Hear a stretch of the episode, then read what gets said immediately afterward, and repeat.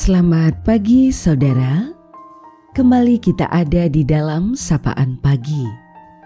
Mendengar Tuhan menyapa kita di dalam firman-Nya. Namun, sebelum kita mendengarkan sapaan firman itu, mari teduhkan hatimu dan kita berdoa. Tuhan, terima kasih. Hari baru telah kau beri anugerah kehidupan menyertai.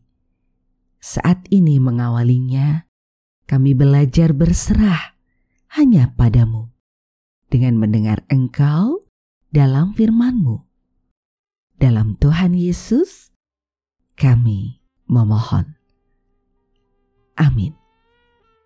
Saudaraku, sapaan dalam firman-Nya akan kita terima melalui bagian Kitab Mazmur pasal 146 di ayat yang kelima.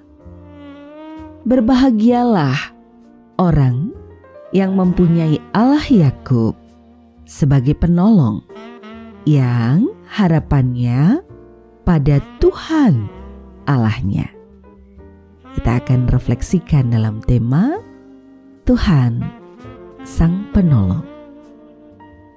Saudara, sering orang mengatakan, jika akan menolong, harus mikir-mikir dulu, alias jangan tergesa-gesa untuk menolong. Memang, untuk masa sekarang menolong harus berhati-hati. Pepatah Jawa menyebutkan, nulung kepentung, yang artinya niatnya menolong, eh malah jadi celaka. Banyak orang memanfaatkan kebaikan orang lain demi kesejahteraan dirinya sendiri, atau banyak orang memanfaatkan kebaikan orang lain, ya hanya dipakai untuk kepentingan dia saja. Tentu saja, sikap yang demikian bukan sikap yang dikehendaki oleh Tuhan manusia sering kali menunjukkan kesombongannya dengan berlaku jahat pada orang lain. Bukankah sebenarnya manusia tidak bisa hidup tanpa manusia yang lain? Manusia adalah pribadi yang terbatas. Dia butuh pertolongan dari orang lain. Berbicara tentang penolong, siapakah penolong yang sejati dalam hidup kita? Saudaraku, bacaan hari ini mengingatkan sejatinya kita adalah orang-orang yang beruntung karena kita memiliki Tuhan yang sangat peduli, mengasihi, memberi didikan, ajaran, dan nasihat pada kita. Firman Tuhan hari ini mengatakan, berbahagialah orang yang mempunyai Allah sebagai penolong. Sudahkah selama ini kita mengambil sikap yang benar, meminta pertolongan hanya pada Tuhan Sang Penolong? Ataukah bahkan sering kali kita salah jalan dengan lebih memilih jalur yang cepat menurut pikiran kita sendiri? Dengan jalan mengambil yang bukan menjadi hak kita, dengan jalan membohongi, menyakiti hati sesama kita. Jika kita terbiasa melakukan yang demikian, maka mencuri dan berbohong serta menyakiti hati sesama bisa saja kemudian menjadi budaya dalam hidup kita. Saat ini, kita diingatkan bersama-sama. Bagaimana kita belajar untuk sungguh berserah pada segala kasih dan kebaikan Tuhan, dan kita diingatkan bahwa sejatinya kita dipanggil untuk menolong. Karena rasa syukur kita yang sudah menerima banyak sekali pertolongan dari Tuhan. Kita yang penuh dosa dan lemah ini menerima anugerah penyertaan darinya yang senantiasa.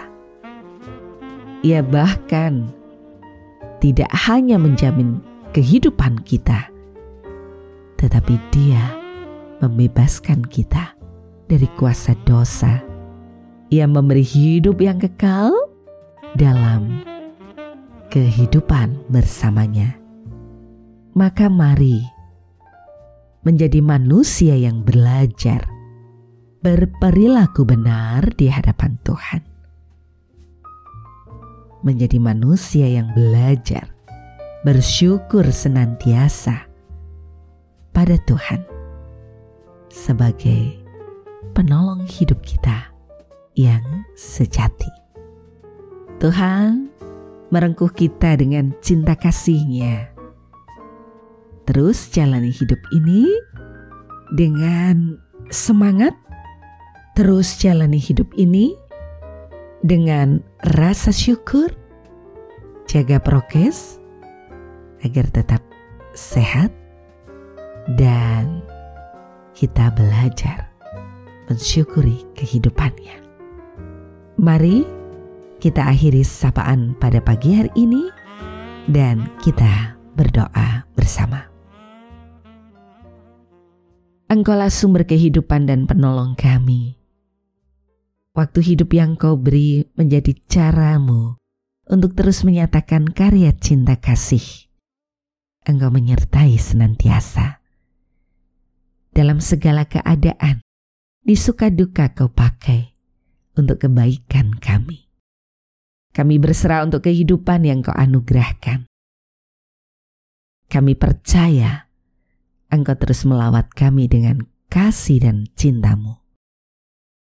Kami berserah untuk waktu hidup yang masih ada.